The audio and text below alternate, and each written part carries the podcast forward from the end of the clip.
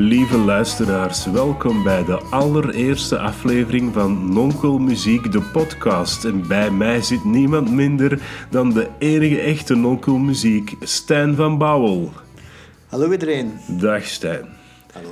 Ik zeg, je bent al een tijd bezig met uh, als Nonkel Muziek op social media. Ja, ja dat klopt. De, zowel uh, ja, actief op zoek en lezen ik altijd toe. En ja, ik deel dat graag, de weetjes, de verhalen die ik dan ontdek. En gaandeweg uh, zei ik dat mensen dat ook wel leuk vonden om te lezen. en dan ben ik dat blijven doen. Ja, onder andere, een van die mensen was ik. Ah, ja, en uh, ik dacht dan van, ik moet er eens contact mee opnemen om misschien iets, iets samen te doen, een podcast over muziek. Ja, altijd heerlijk. Ja, ja. ja. Eigenlijk is dit, uh, deze podcast een beetje gewoon een vanity project van ons. Van twee mannen die de muziekgeschiedenis willen mansplainen. Ja. en onze etaleren met onze parate kennis over de muziekwereld. Ja, ik denk dat vooral de bedoeling is om niet zomaar te te stoeven over al die weetjes en zo. Maar verhalen natuurlijk triggeren mensen om, om er dieper op in te gaan en leren zo natuurlijk de artiesten ook wat kennen. Ja, en, uh, hopelijk uh, gaan ze ook de muziek luisteren of hebben ze door van ja, die artiest is misschien toch wel iemand die ik ken. Of die werkt samen met artiesten die ik ken. Ja, ja. Dat is een beetje het opzet dat we, dat we samen hebben besproken. We ja, gaan deze klopt, podcast, ja. dus het eerste seizoen, dus we denken al in seizoenen, ja, gaan we uh, iedere keer één centrale figuur uh, per aflevering hebben, maar we gaan niet heel die uh, zijn of haar leven vertellen. Nee, we gaan gewoon starten vanuit die ene artiest.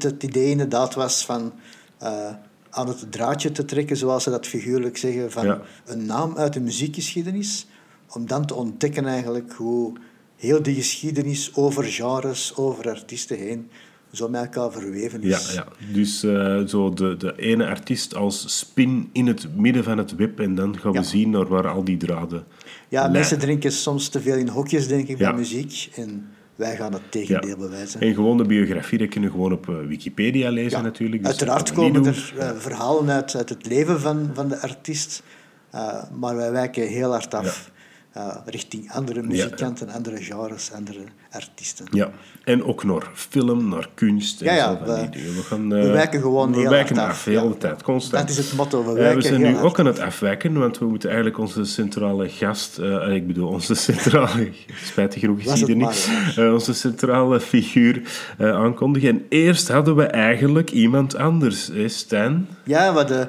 een, een geweldig idee van dat is echt een naam waar we de moeten starten. Ja, En wat blijkt dan? Hè? Wat blijkt, eh, een dag voor deze opname is er een andere, veel beroemdere podcast dan die van ons, die net dezelfde artiest als centrale figuur van een hele show heeft. Dus al onze voorbereiding was voor niets. Eigenlijk niet, hè? Nee, want de- de- we zullen die artiest dan later nog wel bekijken. Ja. Het toont wel aan dat, er, eh, dat die artiest wel actueel is. Ja, en dat er maar- nog mensen zijn die met de interesse zitten natuurlijk. We gaan nog niet verklappen wie het is. Ja. Ook niet wat die andere en betere podcast is dan die van ons. Eh, maar we gaan gewoon zeggen wie, het, eh, wie, is, wie hebben we wel gekozen, Stijn. Ja, we hadden in het begin al heel veel namen als idee natuurlijk. Hè, want ja, er zijn zoveel boeiende artiesten en muzikanten in de geschiedenis. En we beginnen gewoon met een heel bekende naam, waar nog veel te ontdekken viel. Ja. En dat is eh, David Bowie, David Bowie. the En, one and only. en dat is eigenlijk van mij gewoon een safe bet, want ik ben daar door bezeten. Dus Ja, ja, ik weet daar ook veel van. Dat eh, is heel handig natuurlijk. eh, hoe heb jij David Bowie leren kennen eh, in je prille jeugdjaren of, of recent? Ik denk doorheen de jaren, Bowie is ook een artiest eh, met, met veel luiken en, en veel genres. Eh, ik denk dat hij als jonge knaap heeft moeten leren, leren ontdekken, denk ik. Maar elke keer kwam hij wel terug. Recent kreeg ik telefoon van, van, Ja. vanuit Studio Brussel, de Michel Cuvelier. Die kennen eh, Nonco Muziek ook al. ja, Ja. blijkbaar volgt hij ook via sociale media of kwam Ja. hij mij toevallig tegen. En het ging over eh, een special op de radio rond eh, de zoveelste verjaardag van David Bowie, die helaas ondertussen ook al overleden was. En dan kwam de vraag van, ja, kan je iets vertellen over David Bowie? Eh, en natuurlijk ook de onvermijdelijke vraag, welk nummer zouden we Ja. dan moeten spelen? Dat is een moeilijke. Want hoe kies je een nummer van Bowie uit een zo gevarieerde ja, platencollectie, zou ik maar zeggen. Hè? De, van genres, van ballads tot rock, tot zelfs dans en disco. De man heeft alles gedaan. Uh-huh. Eh, en ik kwam terecht bij Starman. Starman, goede Ja, keuze. ja. Van de, het album Ziggy Stardust en de Spiders from Mars. Ja, inderdaad. Hè, met eh, de bekende kleuren en kostumering die tijd. Eh, en Starman is, wat mij betreft, toch een beetje het, het lijflied van, van Ja, David ja. Bowie. Het gaat over een alien Ja. die eh, op aarde landt om jongeren te bevrijden door middel van rockmuziek. Dat was eigenlijk... David Bowie was zo'n beetje zo'n alien. wel. Ik, ik denk dat dat eh, heel boeiend moet geweest zijn voor zijn leeftijdsgenoten toen dat, dat nummer uitkwam. Voor de ouders misschien iets te chockerend, maar dat is niet helemaal de bedoeling van muziek. Hè. Nee, geweldig nummer. Geweldige, geweldige plaat ook. Ja. Ja, ja. Ik zelf, eh, mijn verhaal hoe ik David Bowie heb leren kennen is eh, heel eh, vreemd. Mijn grootmoeder had een caravan gekocht en in een van die slaapkamers eh, plakten allemaal stickers van David Bowie. En ik was een jaar of acht, denk ik. Amai. En eh, ze vroegen aan mij, wil jij die kamer proper maken, die stickers allemaal van de muur trekken en zo. En ik was daar boek gefascineerd. Ik Ah, wist ja. niet wie dat was. Ik, kende alleen maar die, die foto's. En iets later was er op de Playback Show, of de Soundmix Show op televisie, Ja, ja, ja. Was er iemand, er was een man, en die zong Space Oddity. En ik was ergens aan het spelen en ik hoorde plots de naam, ah, jij zingt David Bowie. En ik dacht, dat moet ik zien, want dat is die man van die stickers.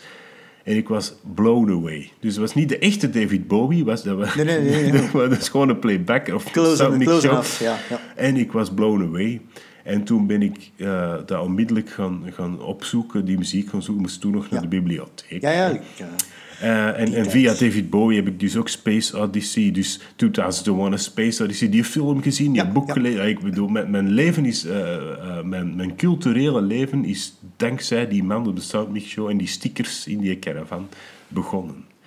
Ja, ik denk dat de, de muziek van Bowie sowieso blijft hangen Ja. en dat je altijd aan gefascineerd bent van wie is die man en, Ja. en waarover gaat. Ik bedoel, een- van de klassiekers die vroeger ook wel werd gedraaid, eh, Live on Mars. Ja. Ja, dat is, dat is ook sprekend, hè? Ja. Trouwens, eh, leuk weetje, nu, de- nu zijn we begonnen. Hè? Ja, we zijn vertrokken. Live on Mars eh, is oorspronkelijk ontstaan omdat David Bowie een vertaling wou maken van Comme d'habitude, dat we allemaal kennen als. Ja, My Way. My Way. My Way. Ehm, en hij wou er dus een versie van schrijven, dat is er eigenlijk niet van gekomen, maar het eh, akkoordenpatroon Ja, ja. van dat nummer zit gewoon in Live on Mars. Dat is eigenlijk My Way. Ja, ja, dat is... eh, het, ja, het trekt inderdaad... Het is, eh, hij heeft toch het is heel hard op, hij is door, Ja, die, ja. door dat vertaalwerk en dat, die muziek is hij heel hard geïnspireerd geweest om dat nummer te schrijven. Nou, later is dan uh, Paul Anke heeft dan de, de versie die we nu kennen van My Way eh, trouwens geschreven. En Ja. als hij dat eh, schreef, we gaan ineens afwijken, want dat is net Ja, ja, dat het is, idee. dat is de bedoeling van de Eh, podcast. hij schreef dat, eh, hij was op zoek naar, naar artiesten om dat dan te kunnen opnemen. Dat werd dan opgenomen en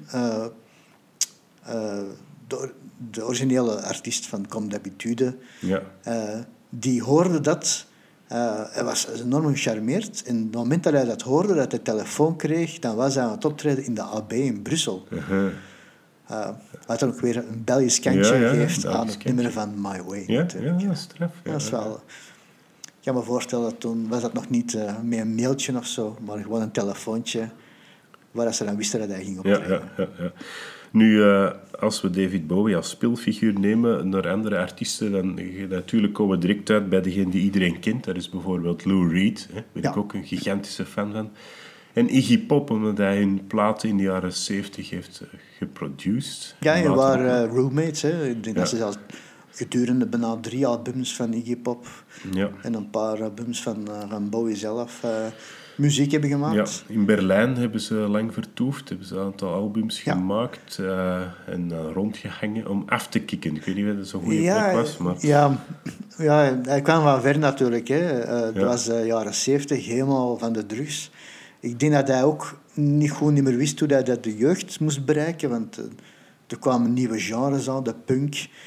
Eh, niet dat hij daar zich van distancieerde of zo, maar ja, Bowie is een verhalenverteller in zijn liedjes. En dan komen er jonge artiesten met Ja, ja. twee of drie akkoorden die daarmee een korte maar krachtige boodschap geven in Ja, nummers van één of twee minuten. Dus hij wist helemaal niet en dan is hij inderdaad met Iggy Pop naar Berlijn gegaan. ja, daar hebben ze eh, de eerst... eh, dus ik heb de beroemde Berlijn, Berlin tri- Trilogy van ehm, Bowie, hè. Ehm, eh, Low, Lodger, Heroes, die platen. ja. Maar daarvoor hadden ze nog in dezelfde stijl al een plaat gemaakt, eigenlijk al bezig geweest. Dat is The Idiot van Iggy Pop. Ja, klopt. Gebaseerd op een boek van eh Dostoevsky heb ik ook dankzij David Bowie leren kennen. Want ik moest natuurlijk die boek lezen omdat David Bowie die plaat Ja, had ja. geproduceerd. Dat had er niks mee te maken trouwens. Ehm, en, en, ja, en Lou Reed was natuurlijk... eh, dat was een wederzijds uh, Ja, ja, Lou Reed was al... een beetje. Die Lou Reed was al een, een naam, zou ik Ja, maar zeggen. cultfiguur. Een cultfiguur, Ja. want eh, commercieel was het eh, Nee. geen heel groot succes. Nee. Eh, maar in het wereldje waar ook Bowie wat geïnteresseerd was in de kunst, muziekwereld, was Velvet Underground hè, van Lou Reed. Ja. Eh, was heel bekend en Lou- Bowie was een denk, een van de eerste denk ik, die, die nummers van de, de Velvet Underground speelde in, eh, live. In zijn, die heeft klopt. dat in zijn repertoire opgenomen in, in Londen en, en in eh, Groot-Brittannië. En dan heeft hij Lou Reed laten overkomen. Hè? Ja. En, eh, ehm, dan hebben ze samen de, een van de meesterwerken van Lou Reed, de, de Transformer-album. Ja. is helemaal geproduceerd. Je hoort dat heel, helemaal. Ja, ja, Zijn backing vocals. hè, Die, die nummers van Lou Reed zijn eigenlijk simpel, maar als je hoort hoe die geproduceerd zijn, eh, gearrangeerd zijn, is echt Klopt, want eigenlijk plaat. was Lou Reed puur als muzikant was dat geen, eh, geen sterke kracht. Ja, ja, hij was een songwriter, een dichter, een songwriter. Maar wat hij maar- bracht was zo overtuigend. Dat Ja. was een, eh, inderdaad, hij was vooral op de eerste plaats een, een, een tekstschrijver Ja. en een songwriter. Eh, en heeft dan het geluk met de juiste mensen rond zich om dat samen te vormen naar de nummers die we dan kennen. Van. Uh-huh, ja. Nu is nog een eh, connectie met, met heel die, die heilige drievuldigheid, zou ik maar zeggen, van Bowie, Ja, ja, ja. Pop en Lou Reed. Eh, John Cale, die samen dus met eh, Lou Reed in de Velvet Underground zat, die heeft later ook nog de platen geproduceerd van eh de Stooges van Iggy Pop in, Ja, in ja. zijn band. Hè. I Wanna Be Your Dog en zo. Echt heel rauwe. Je hoort daar een piano op die gewoon constant één akkoord ramt. Ja. En volgens mij is dat John Cale. Dat is ook een, een idee van hem. Hij, hij werkt altijd met drones. Hè. Ja, Dus, ja, klopt. Dus, eh, Ik denk dat je daar ook een beetje die stijl van Velvet. Underground Ja. terug, terug wat boven hoort. Zodat eh, krachtige... Het lijkt minimalistisch, maar het is gewoon... ja, het, is, het zit heel goed Echt to the elkaar, ja. point, Het is ja, tribaal bijna. Het is gewoon iets heel opzwepend. Ehm, en ik denk dat David Bowie dat, af en- eh, dat ook af en toe probeerde, zo de Velvet Underground. Er is zo'n nummer, Queen Bitch, denk ik. ja, ja. ja. Dan hoor je heel hard Ja. dat hij naar eh, hen heeft geluisterd. En op dezelfde plaat, geloof ik, staat ook een liedje voor Andy Warhol. Ja. Ja, dat is ook het, eh, de, de leefwereld van Lou Reed natuurlijk. eh, Ja. dat, dat, past, dat sluit er gewoon perfect aan aan Ja. eh, de figuur die dan Bowie was. Want dat is altijd een, een, een- de vraag misschien, wat is het eerste kip of het ei? Ik denk dat Bowie heel goed rond zich keek naar werelden, kunstwerelden Ja. of, of filmachtige... En dat hij dan die wereld indook en dat dan werd. Maar Ja, tegelijkertijd was hij dan weer eh, zo'n grote invloed. Hè? Eh, als je Mhm. denkt naar Ja, de tijd van Ziggy Stardust, dan is hij een van de voorbeelden, terwijl dat hij even goed ervoor keek naar Lou Reed. ja. Eh, En door mensen zoals Mark Bolan en zo in verband met zo de Ja, glam en ja. de schmink. En, ja, klopt. hij kon dingen stelen. Hè. Je moet altijd op een heel goede manier stelen. Dat is het beter maken. hè. Hij heeft eh, heel veel dingen mainstream gemaakt die eigenlijk ervoor zo wat sluimerden in, in, in de cult. ja, ja. Ehm, en- en ik heb zelf heel veel eh, kunst leren kennen eh, door David Bowie. Ehm, in 1994 had hij een heel experimentele plaat. Dat vind ik de beste. One Outside heet die. Ja, dat klopt. Die is eigenlijk bijna helemaal... Dat zijn uren improvisatie in de studio gewoon. Er bestaan denk ik 50 uur opname van, maar er is maar één plaat van. Ja, En ik heb via via ooit in de jaren 90 mijn hand kunnen leggen op wat bootlegs van die oorspronkelijke opname. En dat gaat dus over, dat is een conceptalbum, dat gaat over een detectieve die een moord moet... Nee, eigenlijk moet hij geen moord oplossen. Er is een meisje ontvoerd Een jong meisje van 13. En die eh, wordt door een uh, kunstenaar in stukken gesneden en in een museum gehangen. Dus mensen komen Oh, s ochtends binnen en daar hangt dus een kunstwerk. En dan is de vraag, is het... eh, ja, dat is moord. Hè? Dat is, Ah, ja. dat is, hè? Maar is het ook kunst? En dan komt Ja, ja, de art police moet dan komen om te beoordelen van, ja, is het eigenlijk dan ook wel... Dus dat vond ik zo'n raar concept, dat ik toen in die tijd... Ik was toen 17, 18 jaar helemaal into de hedendaagse kunst was. Damien Hirst en Ja, zo. Bowie name dropte die dan. Hè. Ja, ja. Dus ik ben daar van alles van gaan opzoeken. Dat was nog echt zo in de prille tijd, begin van internet, dus dat ken ik allemaal nog niet. Ehm, maar ook, Stijn, en dat is heel interessant, David Bowie heeft een nummer op de plaat Heroes, als ik me niet vergis, Joe the Lion. Ja, klopt, klopt. Ja. En dat gaat over een kunstenaar. En een van de frases daarin, eh, daar staat eh, in... ehm, Nail me to my car Ah ja. and I tell you who you are. Nail me to my car, I tell you who you are. Dat is eigenlijk, eh, gaat dat terug op Chris Burden. Dus niet Joe of The Line, dus Chris Burden. Daarover Ja, gaat dat nummer. Dat is een kunstenaar die zichzelf liet kruisigen aan een auto. Ah. En dan, ja, als jij daar naar gaat kijken, wat zegt dat over u? Hè? Dus Ja, ja, ja. Eh, die deed nog stoten zoals zichzelf laten neerschieten. Gewoon. Gewoon, ja, bang. En dan, ja, dat was een performance en uit naar het ziekenhuis. Ehm, en nog iets ehm, geweldigs hier bij ons zelf in het Middelheim Ah ja. Museum. In Wilrijk kan je Chris Burden, dus de man waar eh, David Bowie een nummer over schreef, kan je daar eh Beamdrop gaan kijken. Dat zijn allemaal grote ijzeren petrels die Ja, ja, van die boven naar beneden zijn ja. gesmeten van een kraan en die stjoek, lossen de grond in. En hoe dat ze landen, zo, zo moet het zijn. Zo, zo staan ze. In, de cement, in natte cement. Een geweldig concept dat, die, dat Chris Burden overal eh, in de wereld is gaan doen. Hij is trouwens bekend geworden, die Chris Burden, in de jaren tachtig, op een heel grappige manier. Hij had zendtijd gekocht voor een paar seconden. hij had zendtijd gekocht en hij had gewoon de namen van kunst zoals Da Vinci, Picasso, Chris Burden. Eh, Zo. Eh, zo. De grote naam. En zijn er namen zijn altijd tussen die altijd... Dat was al. En de mensen dachten, wat, wie de hel is dat? En die wordt geassocieerd met die andere grote Ja, namen ja. natuurlijk. Ja. Dat is een geniale kunstenaar. De Mensen zullen dat gek vinden. Ik vind, ik vind dat geweldig. Wel, dan vraag ik mij natuurlijk als Los Nonco muziek af van... Zou bijvoorbeeld dan een David Bowie ook naar het Middelheim eh, Museumpark daar langs geweest zijn om het kunstwerk te komen kijken of zo? Eh, ik denk dat hij sowieso wel, misschien niet naar het maar wel eh, Chris Burden's Ja, werk is bekijken. Hij ja, was ja. heel hard geïnteresseerd in kunst. Hij schreef ook voor kunstmagazines in de jaren 90. Ja. Hij schilderde zelf. Die One Outside, is, de, de cover daarvan is een schilderij van hem. Ja. Ehm, En Bowie kwam natuurlijk wel... Hij kwam regelmatig naar België, heeft er heel veel optredens gedaan. ja. Eh, Hij heeft trouwens ooit een eh, nummer gecoverd van een Belg. Eh, bekend van hem is Amsterdam, van Jacques Brel. ja, van Jacques Brel. Ja, ja. Ja. En nog nummers. Hè. Hij heeft nog nummers van Jacques Brel. My Death Waits. ja. ja. Heeft hij ook gedaan. En zelfs het nummer Rock and Roll Suicide ja, Ah, ja.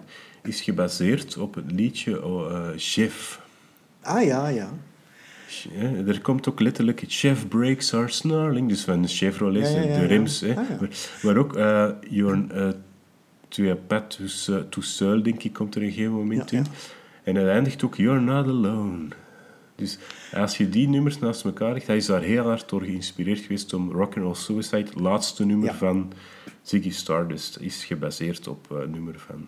Ja, het zegt som- soms heel veel over een artiest als die toch nummers covert van een andere, andere artiest. Eh, dat, is, dat is in mijn ogen dan ook dat een inspiratiebron ooit geweest is. Ja. eh, of een wondering. En dat doet dan ook wel deugd dat David Ja, ja. Eh, En hij deed er ook zijn ding mee natuurlijk. Ja, want- gewoon, ja. Het is niet zomaar wat een cover. Hij, Nee. hij nam de nummers en hij maakte daar zijn eigen ding mee. Ja. Er is nog een Belg, nog een paar Belgen waar hij mee heeft samengewerkt. Ehm, onder andere Guy Pelaert, die heeft eh, foto's gemaakt voor, eh, voor een paar van zijn platen. Ik denk voor de Diamond Dogs. ah ja. Eh, dan ligt, dan zie je, dat is eigenlijk een soort van eerste soort Photoshop. Je ziet David Ja, ja, Bowie als hond. liggen. Ja. Met aan het hoofd van- hoofd van en- Bowie ja, zo'n soort ja, sphinxachtige figuur.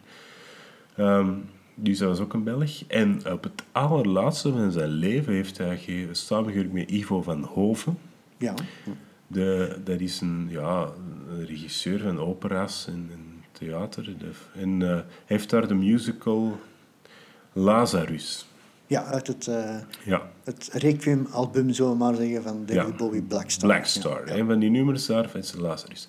Het interessante daaraan is dat die eh, musical gebaseerd is op een film waar Bowie in 1976 in heeft gespeeld. Ah, ja. The Man Who Fell to Earth. Ja, ja, bekend. Wat dus ook al, dat is van een boek. En ik denk dat hij ooit dat boek van The Man Who Sold the World, dat hij daar ook van in geïnspireerd is. Dat ook door Nirvana Ja, gecoverd is.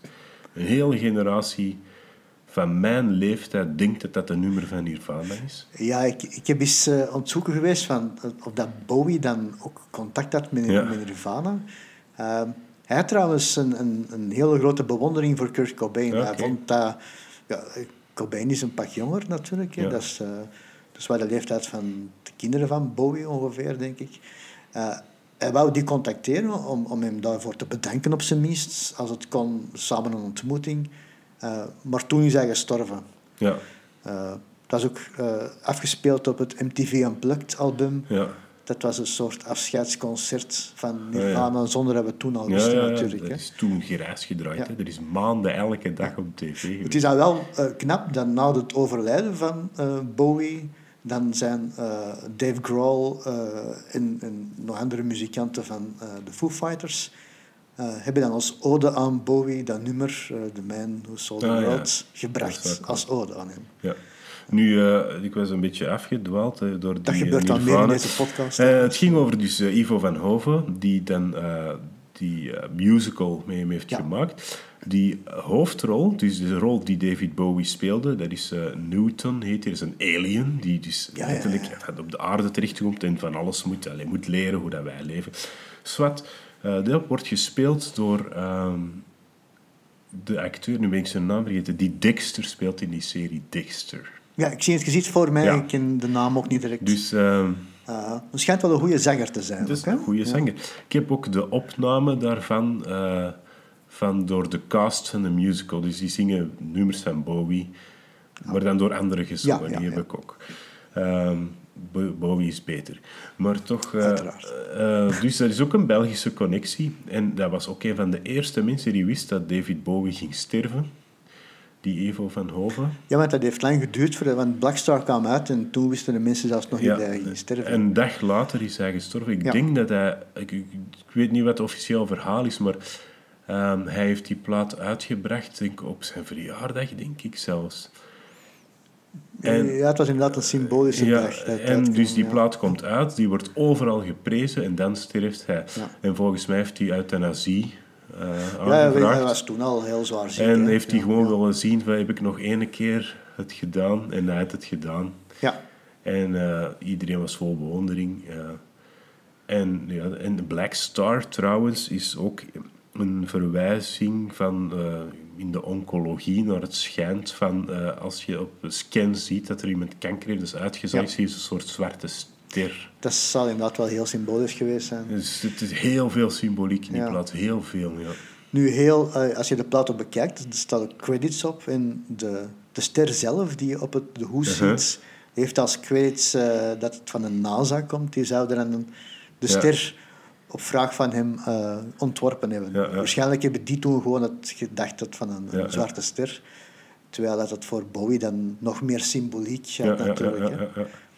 Nee, nee, ja, inderdaad. Er- Al zijn werk heeft heel veel lagen altijd. Heel veel lagen. Van NASA gesproken, dan spring ik even terug in het verleden. Zo. Mhm. Dat is ook een, een, een heel eh, leuk verhaal. Eh, de Space Oddity, eh, waar hij Ja. Mhm. geïnspireerd was, echt door Space eh, Odyssey, eh, Ja. de, de bekende klassieker. Die nu ook een ode kreeg in de Barbie-film trouwens. Ah, serieus? Ik heb nog niet gezien. maar- Het begin is echt Ja. de Barbie-versie van Space Odyssey. cool. En het was in de jaren 60 eh, dat hij dat nummer had gemaakt, Space Oddity, met Ja. zijn, het verhaal van Major Tom Major in de ruimte. Ja. Ook geen evident nummer, want Major Tom eh, komt niet meer terug naar de aarde. Hij is Eh, Ja. Hij roept naar, eh, Ja, ja, naar. Houston, de aarde. Hij heeft, is het beu gewoon, hè? Ja, ja. maar hij zal ook niet meer terugkomen. Hij heeft dat nummer gemaakt en hij wil dat ja, lanceren natuurlijk. Hij heeft nog geen hit, hè, want dat was zijn eerste grote hit. En hij was een enorme fan van de Beatles. ja. En hij gaat met, de, met die demo gaat hem naar de, de, al, de platenlabel van eh, de Beatles, Apple Records, dat die mannen hadden opgericht. Ik denk vooral omdat die graag bezig waren Ja, ja. en dat dat toch iets anders was dan samen met elkaar babbelen, denk ik. Eh, maar hij raakte niet binnen. Eh, ook, dat was natuurlijk niet bekend, maar volgens mij kon dat alleen maar binnen geraken als je iemand van de Beatles of iemand van Ja, dat bestuur kende. ja. Het was ook echt een, een uit de hand gelopen eh, hobby. Dat is niet voor niets dat dat daarna failliet is gegaan. Dus hij gaat met een demo terug naar een andere maatschappij. Eh, dat wordt uitgebracht en dat is nummer één. ja. En dan horen ze dat op de radio natuurlijk. Hè. Dan, eh, ze zijn plannen bezig met die maanlanding. En ze, ja, ze luisteren natuurlijk nooit naar teksten. Hè. Dat hoor je bij politiek. Ja. Eh, rallies ook, dat ze nummers ja, gebruiken zonder het dat besef eigenlijk waarover dat gaat. Van, wow, is Major Tom in space. ja. We gaan dat nummer gebruiken voor de ja. Eh, totdat er toch één slimmerik is op heel een BBC, waar het dan wordt uitgezonden van, ja, ik vind dat toch niet zo'n goed idee. Hè, dat gaat over een ruimtevaarder die niet terug naar de aarde gaat en wij gaan juist nu een paar Ja. mannen naar de maan sturen. Eh, is, dat wel, is dat wel slim? Eh, dus heel de BBC bandt dat nummer totdat die maanlanding achter de... Achter de we, gaan het, we gaan het niet draaien. Ze sturen die memo rond, maar dat komt niet terecht bij die ploeg die de maanlanding Ja, verslag ja. geven. Dus wat doen die? Die spelen gewoon een nummer. Ja. Dus tijdens een maanlanding is op de BBC echt David Bowie te horen, Ja, dat is eh, ja, ondanks heel het verbod. Ja, dat heeft hem, heeft hem eh, heel populair gemaakt. Allee, dat was, een- dat was Ja. de eerste grote Ja, moment van, van, van zijn carrière. Dat iedereen zat voor de tv Ja. en, en dan komt die muziek natuurlijk nog eens. Hey, De maanlanding is ook wel leuk natuurlijk, maar En als je trouwens, David Bowie eh, erbij krijgt, maakt het wel mee speciaal. Trouwens, eh Major Tom is wel teruggekomen.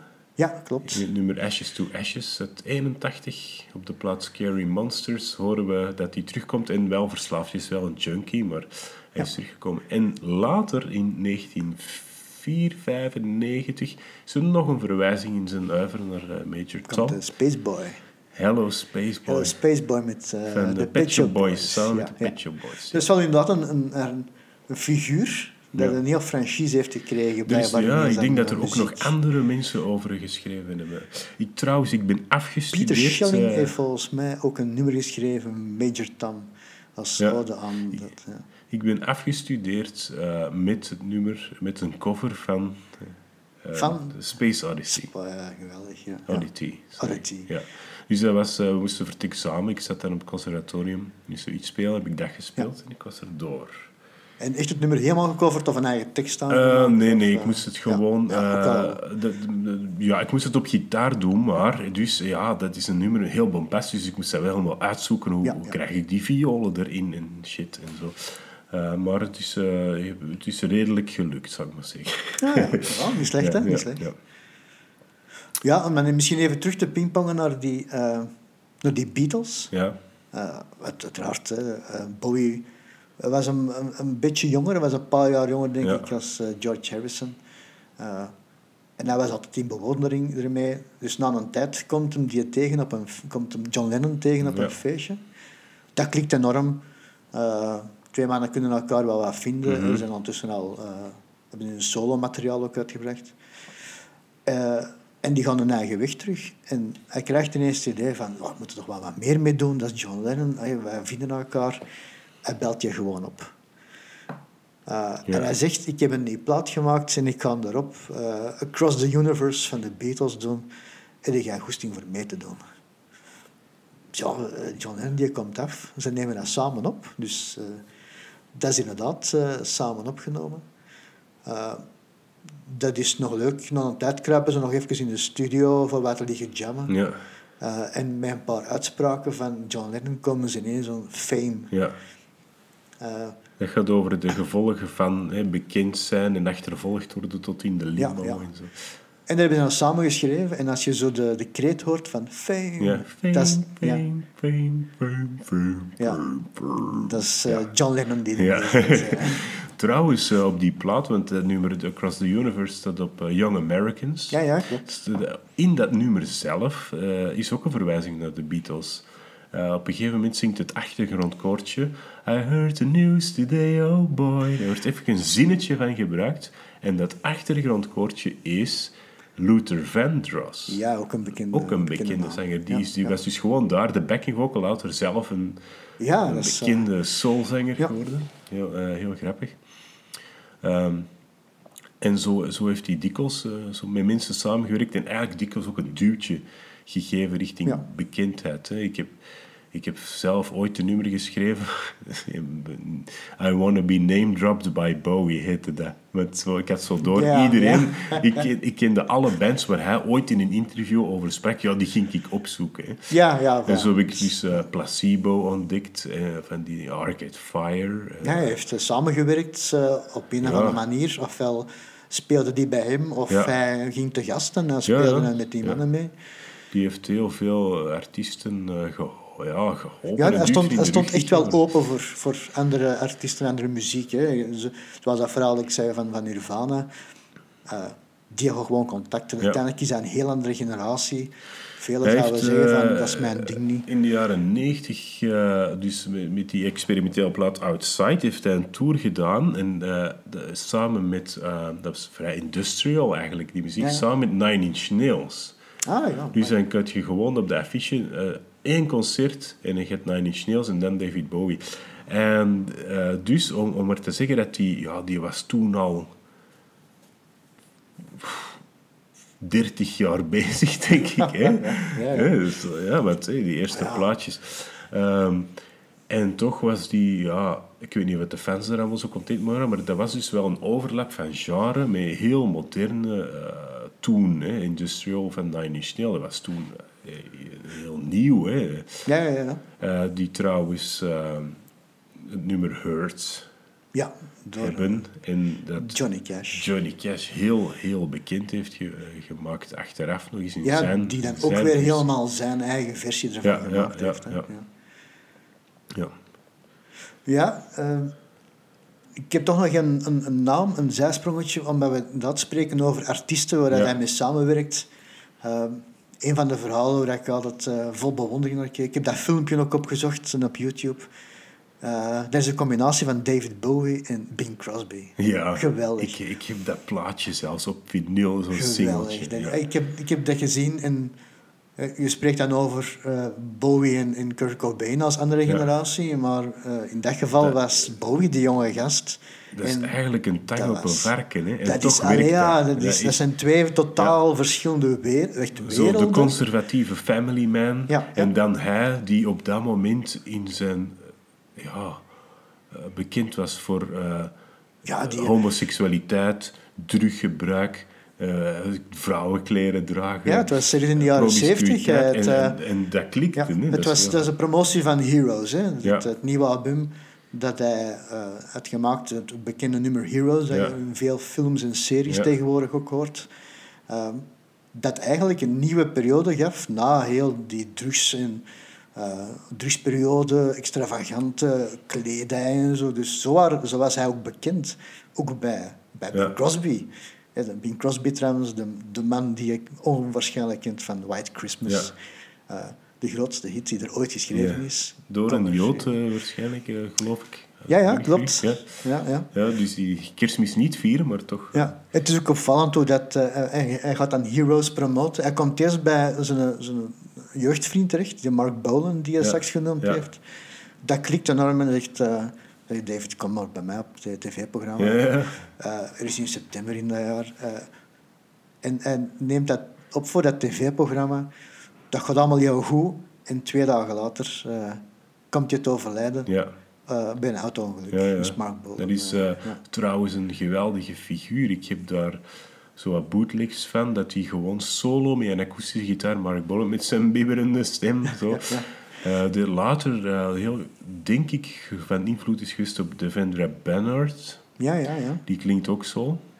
Maar dus, je kent dus eh, T-Rex eh, met Mark Ja, Bolan, eh, Children of the Revolution en zo, heel glam rock, Ja. heel stevige nummers, maar dus, die heeft dus ook prachtige akoestische liedjes. Ja, ja dat is zeker de, de moeite om, om te gaan ontdekken en op te zoeken. Je zou het niet verwachten van hem.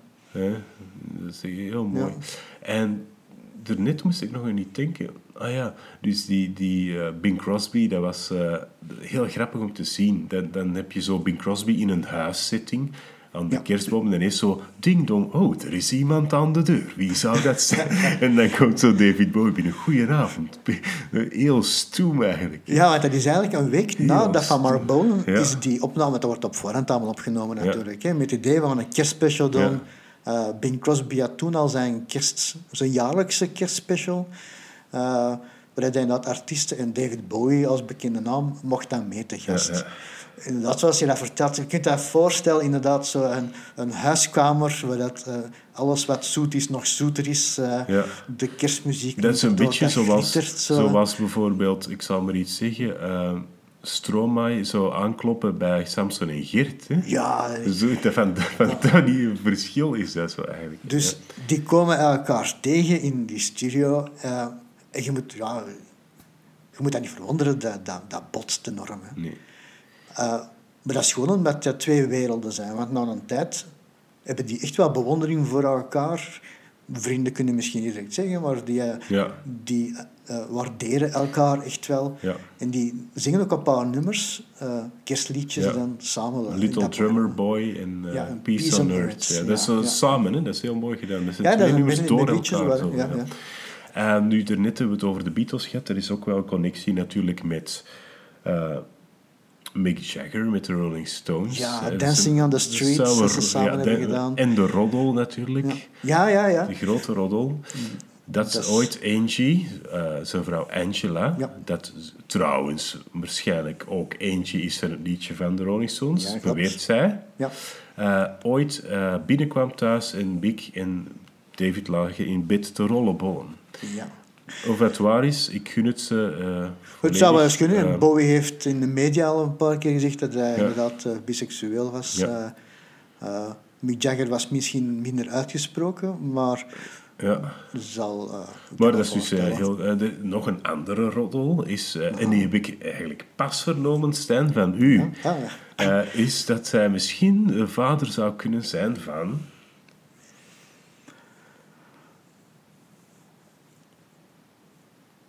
Wacht, nu ben ik het even kwijt. van de gitarist van Guns N' Roses. Ja, klopt, klopt. Dat is inderdaad... Dat zou kunnen zijn dat hij de vader zou zijn. Dat zijn ook de rollers van Slash. Slash. De, het is wel zo, wel degelijk, dat eh, David Bowie had een relatie met de moeder van Slash. hè. En die deed toen, was toen de kleedster Ja, ja. van de film The Man Who Fell to Earth, waar later de musical Lazarus is Ja. gemaakt. Dus op die set was zij de kleedster. Nee, klopt. we-. Eh, niet alleen voor Bowie dat zij de, de kostumering deed, ze deed dat wel voor meer artiesten. Eh, en ja, ja, eens kijken. Hè. In, in Slash, eh, dat was toen een, een tiener, als een Bowie ook nog een beetje kende, of, Ja. of nog jonger. Ja. Dus zijn blij, hij is blijven contact Hij houden met die ja, ja, hij is, hij- dus voor hem was hij iemand die daar, ja, misschien ook niet zo heel lang, hè, de, de tijd dat die relaties, die duurden niet zo heel lang toen. Maar hij kende die wel en dat is ook later eh, een goede vriend gebleken. Ja. Als hij dan met Guns N' Roses eh, in het begin ging optreden, maar dan waren nog niet doorgebroken, dan deed David Bowie wel de moeite van eens te gaan kijken naar Ja. een optreden. Hè. Dat Ja, doet ja. dat goed. Dat is, we zijn natuurlijk aan het roddelen nu, hè, maar het zou kunnen, hè, want hij heeft dus een, een zwarte moeder en een blanke vader. Hè. Ja, klopt. Eh, dus, eh, en wie zou dat kunnen zijn? Misschien wel die persoon waarmee de moeder een relatie had ter tijde van de verwekking. Dat, zou, dat weten we natuurlijk. Ja, de, de echte vader van, van Slash is ook een eh, ontwerper geweest van Ja. verschillende platenhoezen van, Ja. van artiesten. Ah, Dus ja. ook een De creatieve... echte vader. Of de, De echte, de officiële, de officiële vader, zullen we maar zeggen. Ja. Eh, ik, ik- hoop dat eh, Slash ons natuurlijk niet gaat bellen nu. Nee, Eh, we zijn maar rond roddelen. sorry, Slash. Maar het toont wel aan, achteraf, of wat het nu waar is of niet, dat is natuurlijk eh, de roddelsfeer die, we, die we even willen aankaarten. Eh, maar wel die waardering dan van Bowie Ja. naar een, ook weer een artiest zoals Slash, eh, die net als Cobain dan Ja. een totaal andere leefwereld is. En ook als dan de moeilijke jaren kwamen, dat Guns N' Roses uit elkaar viel, dat, dat Slash op de drugs geraakt. En, Eh, en dan echt wel met Velvet eh, Revolvers, een nieuwe band. wel een goede band, ja. Dan deed Bowie ook weer de moeite om eens af en toe te gaan kijken. Eh, Ja. ja. Dat zegt veel over, een, over toch een artiest die zelf zijn eigen weg is Mhm. gegaan en, en zijn eigen optredens heeft. Hè. Daarnet zei je iets, toen ik over Mick Jagger begon in de Grote Roddel, zei je iets over Dancing in the Street. Ja, ja, ze hebben samen Ja, daar een, een duet ge- Ja. gedaan. Een In- zeer succesvol Hij duet. heeft in de jaren tachtig heeft David Bowie eh, volgens sommigen zijn slechtste platen gemaakt. Maar zo de nummers die niet op zijn officiële album staan, maar zo die hij maakte voor films en zo. Eh, en bijvoorbeeld dat duet met eh, dingen, Ja. dat waren wel eh dikwijls hits of, of heel goede eh, nummers. Hè. Ja. Maar de- je moet eens opzoeken, als je dat nog niet hebt gezien, Dancing in the Street, David Bowie, Mick Jagger, zonder muziek. Ik heb het vandaag Dat nog is- zien passeren. Dat is verschrikkelijk Er- grappig. Er zijn inderdaad zo van die videoclips die, die Ja. je online kan kijken waar dat, eh, muziek uit is. Ja. Eh, Dan zie je hen zo gewoon dansen zonder Zo muziek. dansen, Zo, zo- je hoort het voeten zo van de schoenen zo, Ja. en dan- En dan hoort je zo ademen. En, Ja, ja. Zo, dat is heel, heel grappig. Ja. Geweldig. Ehm, en met Tina Turner natuurlijk heeft hij ook eh. Tonight, eh, dat eigenlijk een nummer is van Iggy Pop op de plaat eh, Lust for Life. ja. Geweldig album dat ook David Bowie geproduceerd heeft. En op Lust for Life spelen een bassist en een drummer die later in Tin Machine spelen. Ja, ja. De band waar David Bowie, Ja. eh, een soort van grunge-achtige band, hij wou ineens een band en niet meer de zanger zijn en de, de artiest, maar gelijk met de anderen heeft hij twee platen meegemaakt. Een live plaat is er geweest en een twee toeren, denk ik. Maar dat was niet zo geweldig. Hoewel er op het tweede album het nummer staat Goodbye Mr. Ed. En dat is een van de allerbeste nummers die David Bowie ooit heeft geschreven. Maar die plaat komt bijna nergens, bijna nergens te verkrijgen. Ik weet zelfs niet of je ze op Spotify kunt. Er is een probleem met de hoes. Er stond eh, dus... eh, er stond mannelijk naakt op de hoes. Niet David Bowie, maar... Ja, ja, ja. Eh, eh, dus dat was al een probleem. Dus die zijn uit de handel en shit. Eh, maar daar, goodbye, als ik u een tip mag geven, mensen, luisteraars, Goodbye Mr. Ed. Als je dat niet kent, prachtig nummer. Zeker doen. Dat gebaseerd is, als je goed, Ja, ja, als muzikant ja, goed luistert, en hij heeft dat denk ik ergens ook toegegeven, op het nummer Strangers on the Shore van Mr. Ackerbell. Ken je dat? Ah, ja. Du-. Een van de bekende instrumentals uit mijn jeugdjaren. Ja. Zo'n, wat is dat, hobo-klarinet of zoiets, dat die speelt, denk ik. Kla- Klarinet volgens mij. Eh, ja, ja, klopt. eh, ja, da- en daar Ja. zit dus, eh, ja, dat zit daar ergens in. Je moet er maar eens naar luisteren.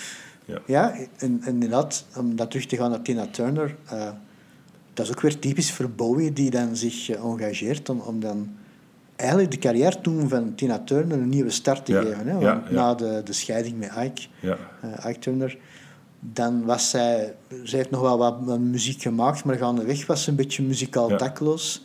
In de muziekwereld was ze al wat ouder geworden, hè, was al eh, rond de 40. ja, eh. dat was toen. Allee, nu, spijtig genoeg, is dat Ja, altijd komt nog altijd voor, maar zeker toen eh, een, een, een zwarte zangeres die dan nog, ja, Ike, Ike, dat is altijd Ike Turner en Ja. Tina Turner, Ja. begin een paar solo-nummers, wat minder, ja, die moet dan terug haar weg vinden. En dan krijg je artiesten zoals David Bowie, Mark Knopfler, Mark die, eh, Knopfler, Private die Dancer, Private heeft Dancer heeft geschreven. Prachtig nummer. Ook duet met Brian Adams eh, Ja. heeft ze gedaan toen. En toen heeft ze haar tweede start ge- gekend. ja, zo. ja. Eh, en gelukkig maar, hè, dat haar carrière Ja, toch... eh, het- Er zijn heel veel mooie nummers erna gekomen. En eh, heeft, David Bowie heeft ook nog... Allee, de Queen had het niet nodig, maar ook eh, Under Pressure, ook een heel bekend eh, duet. Ja, ja, waarvan sommige mensen altijd denken dat het dan gepikt is van Vanilla Ice. ja, Maar bij deze... ja. Ja, ja. Toch rechtgezet, denk je wel, Stan? Ja, voor de fans uh, luister gewoon naar Under Pressure. Er is trouwens toen een rechtszaak... Uh, ik weet niet wat er toen een rechtszaak van geweest is. Want Vanilla Ice, vooral duidelijkheid, had geen toestemming gevraagd. Dan. Ja, ja, ja. ja. Uh, gebeurt wel meer, uh, helaas. Ja, ja. Maar het was wel overduidelijk, die, die baslijn is, uh, is identiek.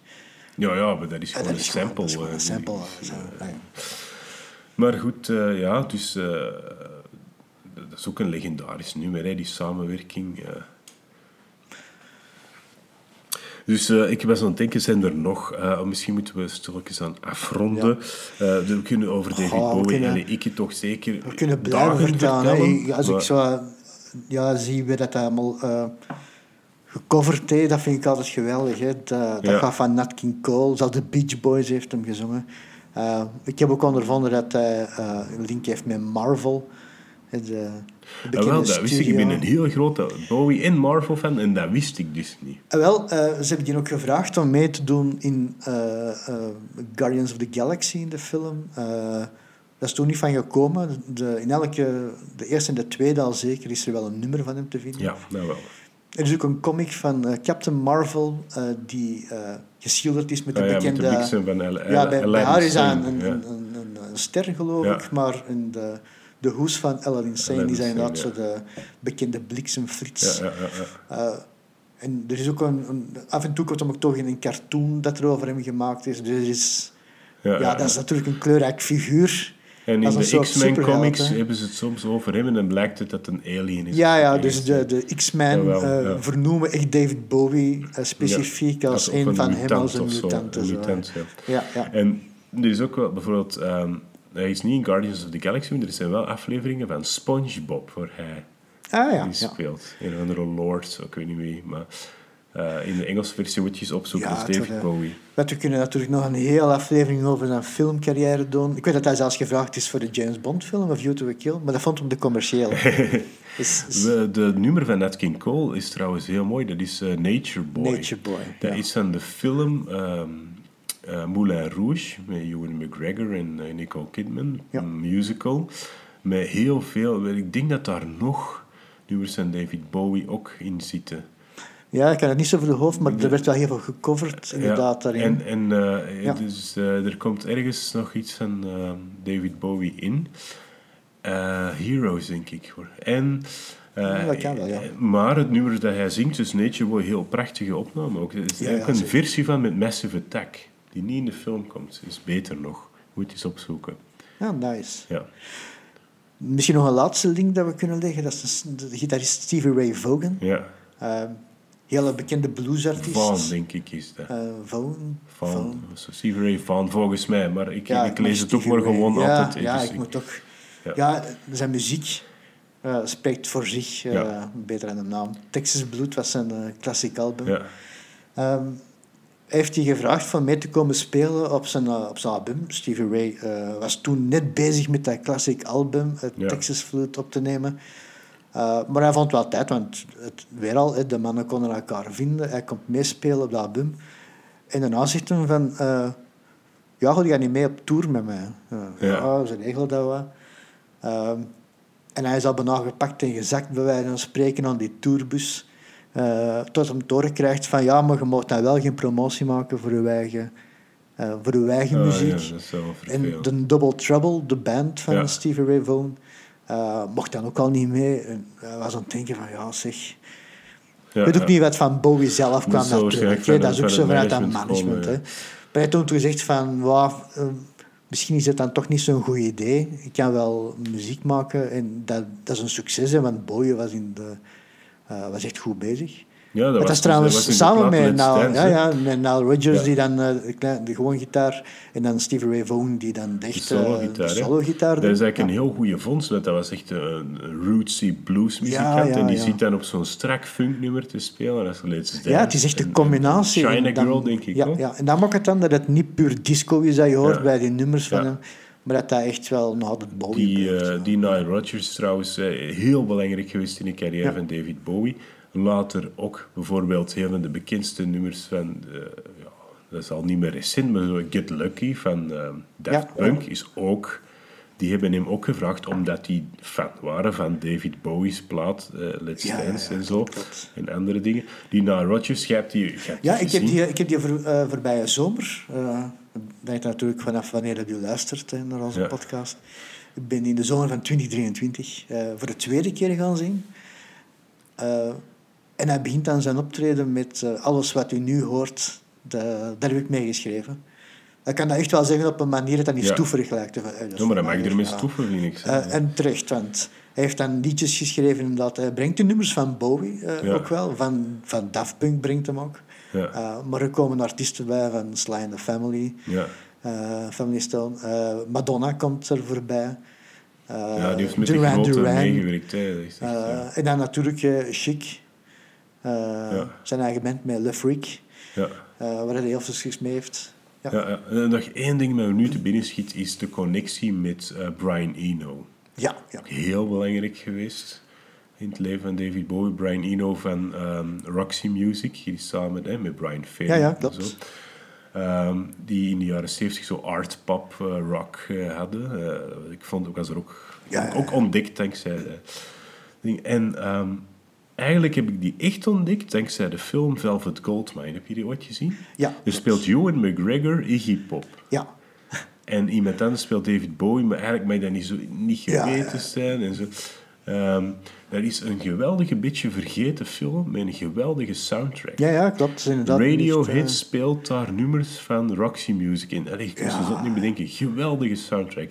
Het is een type, filmtype Velvet Goldmine over de glam rock en de hele scene in de jaren 70. Heel goede film. echt de moeite. Ja. En ehm, ja, om dat misschien af te sluiten, wat gaan we volgende keer doen? Gaan we volgende keer? Ik denk, we, we, moeten, we moeten ergens een, een link hebben met David Bowie. En de volgende, vind ik. En ik heb, ik heb, er, ik heb een idee. Ehm, op de plaat Station to Station, to Station staat, staat ene cover. En dat is Wild is the Wind. Ah ja, Een prachtig nummer, een van de beste vocal performances van Bowie, vind ik. Ehm, en dat nummer is van een eh westernfilm uit de jaren 50, denk ik. Ik weet zelfs niet meer hoe het heet. Eh, werd toen in een westernfilm gezongen. En werd zo'n beetje een hit. En eh, Nina Simone heeft dat gecoverd. En dan heeft Bowie dat gehoord en gedacht, maar dat is prachtig nummer, Ja, ja. ik ga dat ook doen. En dan was ik aan het denken, dat is een goede link voor de volgende aflevering over een vrouw te doen. Nina Simone. Daar ga ik ineens mee, want ik heb ook nog een link gevonden tussen Bowie en Nina Simone. Ah, ook al, oké. Ja, ja. Ik heb je verteld over Stevie Ray Vaughan. Ja? Eh, Bowie heeft die man leren kennen eh, op eh, het Montreux Festival, het Jazz Festival Ja. van Montreux. Ja, wie heeft daar als legendarische plaat opgenomen? Dat Ja. is uiteraard Nina Simone. Die Inderdaad. Ja, ja. een zeer toen, ijzersterke live. Waarschijnlijk zal hij dat toen ook wel, inderdaad, toen hij er was. Ja, waarschijnlijk eh, is die ook wel een keer aan het kijken. En Ja, ja. Bowie wat kennende, eh, kent die ongetwijfeld ook Nina Ja, ja, Simone. ja. Oké, volgende keer. Goeie idee. Nina Simone. Dit was de allereerste aflevering van Nonco Muziek, de podcast. Bedankt voor het luisteren en tot binnen twee weken. Gaan we dat doen? Altijd. Alright. Tot binnenkort. Dag. Bedankt.